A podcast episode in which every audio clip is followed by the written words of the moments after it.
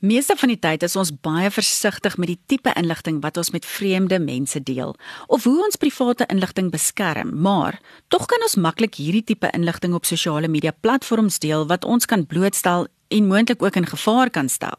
In hierdie episode van Rianet en die internet deel ek 'n paar slaggate om vooruit te kyk en herinner ons aan maniere om ons private inligting beter te beskerm.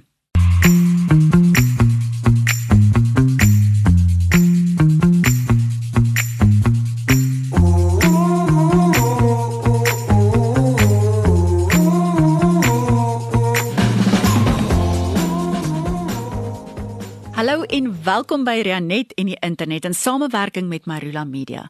My naam is Rianet Laibewitz en jou aanlyn veiligheid en kuberwelstand is belangrik vir my. Hier kuier ons saam om kuberslim te raak en beheer te neem oor ons digitale gewoontes sodat ons veiliger op die internet kan reis en ons lig helder aanlyn kan skyn. So wat maak dit saak en hoekom moet jy luister? Want ons het ingeligte en verantwoordelike digitale burgers nodig om die internet en sosiale media omgewings 'n veiliger en lekkerder plek te kan maak. En ons het kuberslim volwassenes nodig, veral ouers en oumas en oupas om die jong klomp goeie aanlyn gewoontes te leer en hulle te beskerm teen die slaggate waarin hulle kan trap. Verbeel jou vir 'n oomblik. Jy stap by jou voordeur uit en soos jy links kyk, sien jy jou buurman 'n bordjie oprig wat aankondig dat hulle met vakansie gaan wees vanaf 10 tot 23 Desember. Hy is self so gaaf om die lughawe en hulle vliegtuigkaartjie besonderhede ook te deel en is so opgewonde om te noem waarheen hulle op pad is. Ek is seker daarvan jy sit met 'n skeptiese gesigsuitdrukking en luister na die storie, né? Wel, ek sou ook, want dit is vergaande om te dink dat iemand so onverantwoordelik sou wees. Die ironie is dat net die mense wat verby jou buurman se huis ry, hierdie inligting sal sien. Maar baie mense deel dieselfde inligting deur hulle sosiale media platforms en laat soveel meer mense weet wat hulle planne is. Dalk hou jy ook daarvan om in te check by die lughawe of jou gunsteling restaurant. Dalk kondig jy ook aan dat jy op 'n date night is sonder die kinders en hulle is lekker alleen by die huis of jy hou daarvan om jou aanlyn vriende te vertel van die nuwe TV wat jy uiteindelik gekoop het en al jou inkopies wat jy gedoen het met Black Friday special deals. Wel, in hierdie episode nommer 2 deel ek 'n paar voorstelle van hoe jy jou inligting kan beskerm en jou risiko kan verminder. Wanneer dit by die internet kom, is dit soos 'n hoofweg. Soos die hoofweg wat ons opry in realiteit.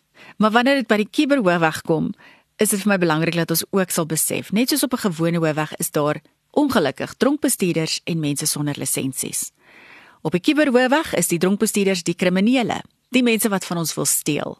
Hulle wil ons inligting, ons data, selfs kinders steel en natuurlik ook soms identiteit. Dan is daar die mense sonder lisensies. En ongelukkig is ek of jy wat nie goed ingelig is en kiberslim genoeg is om te sien wanneer ons in gevaar is nie. So kom ons kyk na drie areas van ons lewens wat geteken kan word wanneer ons praat oor ons veiligheid in terme van die inligting wat ons vrywilliglik aanlyn deel. Nommer 1 is ons identiteit en persoonlike inligting. Nommer 2 ons geld en ons bates en nommer 3 ons gedagtes en ons welstand. Hoe word dit beïnvloed deur dit wat ons deel? Meeste van ons besef dat ons moet pas op vir versoeke en inligting wat van vreemde mense afkom, snaakse e-posse wat ons dalk kry of sosiale media boodskappe. Maar kom ons kyk gou na elkeen afsonderlik. Wanneer by ons identiteit en persoonlike inligting kom, ons profile kan gesteel word. Jou sosiale media profiel en daar is soveel mense wat ek nou al gehelp het deur SafetyNet, die organisasie wat ons gestig het spesifiek om mense wat in moeilikheid is as gevolg van kibermisdaad om hulle te help. En soveel mense kom na my toe om te sê, "Rianet, my Instagram profiel is gesteel of iemand het my Facebook profiel oorgeneem en ek weet nie hoe om dit terug te kry nie." Wel, Hulle doen dit vir spesifieke redes want hulle gaan geld daardeur maak en op die einde van die dag jou lewe baie moeilik maak as ons nie dadelik intree nie. Maar as ons kyk na die profile wat gesteel kan word, dan is dit jou regte naam en jou foto wat gebruik kan word. En hulle doen dit om mense te flous en te oreed dat dit jy is en hulle word gevra, "Ag, ek het net gou-gou R100 nodig en as ek jou vriendin is, gaan ek jou mos dan help. As jy so versoek kry van 'n vriend op Facebook, asseblief gaan maak seker, bel daardie persoon, stuur 'n WhatsApp. Beste is om hulle stem te hoor en te sê, "Het jy wel hierdie versoek vir my gestuur of is jou inligting dalk gesteel of gebruik iemand anders dalk jou profiel?" Dan is daar ook persoonlike inligting wat gebruik kan word vir korrupte transaksies of om goed te koop met vervalste dokumentasie. En as jy dink aan al die inligting wat jy self deel aanlyn, is dit maklik om daai legkaart te bou as ek net nog 'n bietjie navorsing kan gaan doen. Jou profiel kan ook gebruik word op ander webtuistes soos aanlyn kuier of soos ons sal sê in Engels jou online dating apps. En ongelukkig gaan iemand wat jou dan gaan soek op die internet sien dat hierdie is die regte persoon. Hy of sy bestaan regtig, het regtig hierdie gesin en het regtig hierdie mense in hulle lewens. En dan is daar ook die feit dat ons ID-nommer op baie verskeie plekke ingevul word. Het jy al gewonder wat gebeur met al daai boeke wat as jy na 'n maatskappy toe gaan en jy vul jou nommer in in daai boek by ontvangs of elke keer wat jy by 'n plek kom en daar's 'n sekuriteit by die hek en jy moet jou lisensies laat skandeer. Al daai is jou persoonlike inligting wat iewers op 'n database gaan lewe. En dit is hoe ons ons inligting oorgee op die internet en vir ander mense.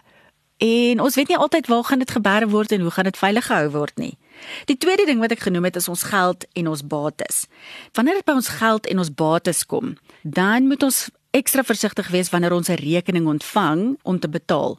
Al is dit iets wat jy wel bestel het, maak dubbel seker dat die geld wel na die regte bankrekening toe gaan. Want selfs daar kan 'n ander maatskappy se inligting gesteel word op 'n rekening geplaas word en so word jy geflous om te dink jy sit dit in die regte maatskappy se rekening. Pas op ook vir aanlyn winkels en privaat verkope. As dit nie 'n welbekende webtuiste is nie en met die nodige sekuriteit in plek nie, dan moet jy eerder nie die inkopies daar doen nie. En alhoewel ons in die vorige episode gepraat het oor veilige aanlyn inkopies, kan ons nog steeds kyk na die tipe inligting wat hulle van ons vereis. Selfs as iemand jou bel en vra, bevestig asseblief gou vir my jou ID-nommer, jou adres en al daai tipe inligting. Hoekom wil hulle weet? En as hulle jou bel van iemand waar jy reeds 'n rekening het, behoort hulle daai inligting reeds te hê. En onthou ook, as dit te goed klink om waar te wees en hulle vra vir jou met 'n SMS boodskap, jy moet net asseblief 'n paar details stuur soos jou bankbesonderhede want jy is die gelukkige wenner van 'n lotto kaartjie of is ons nie maar net almal bly ons het nou al so baie keer gewen, maar dis ongelukkig nie waar nie of jy sê erfgename van 'n boedel wat moet uitbetaal van iemand wat jy nog nooit ontmoet of van gehoor het nie.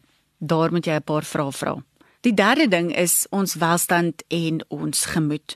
En die feit dat as iemand jou identiteit steel of jou inligting gebruik vir transaksies wat jy niks mee te doen het nie, dan kan dit baie baie stres op jou plaas en natuurlik op jou en jou gesin en julle veiligheid.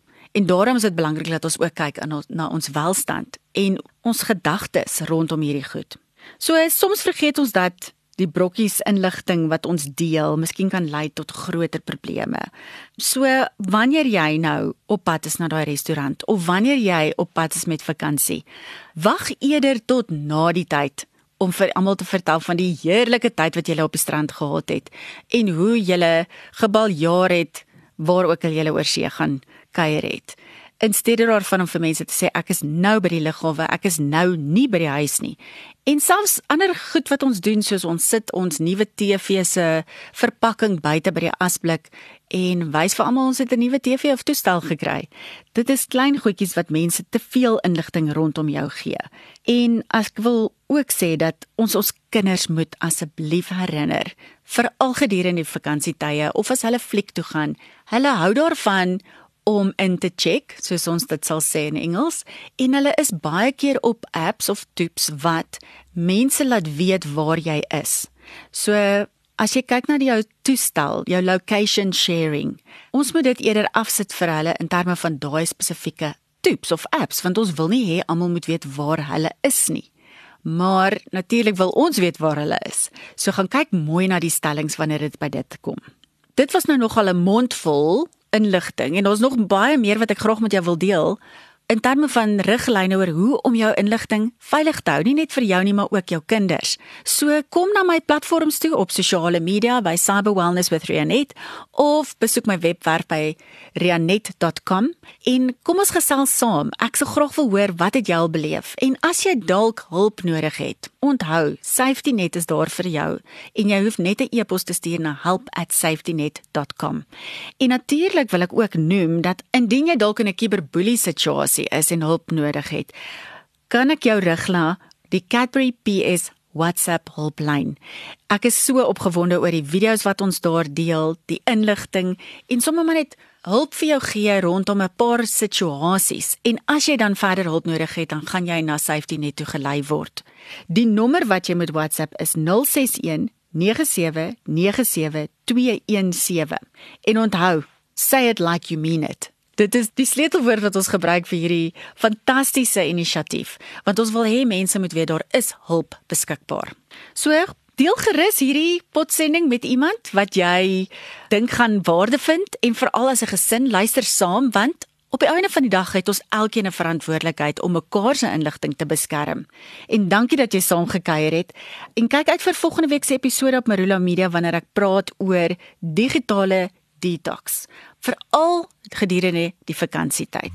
So tot volgende keer, bly in beheer van jou digitale gewoontes. Reis veilig op die internet en skyn jou lig helder aanlyn.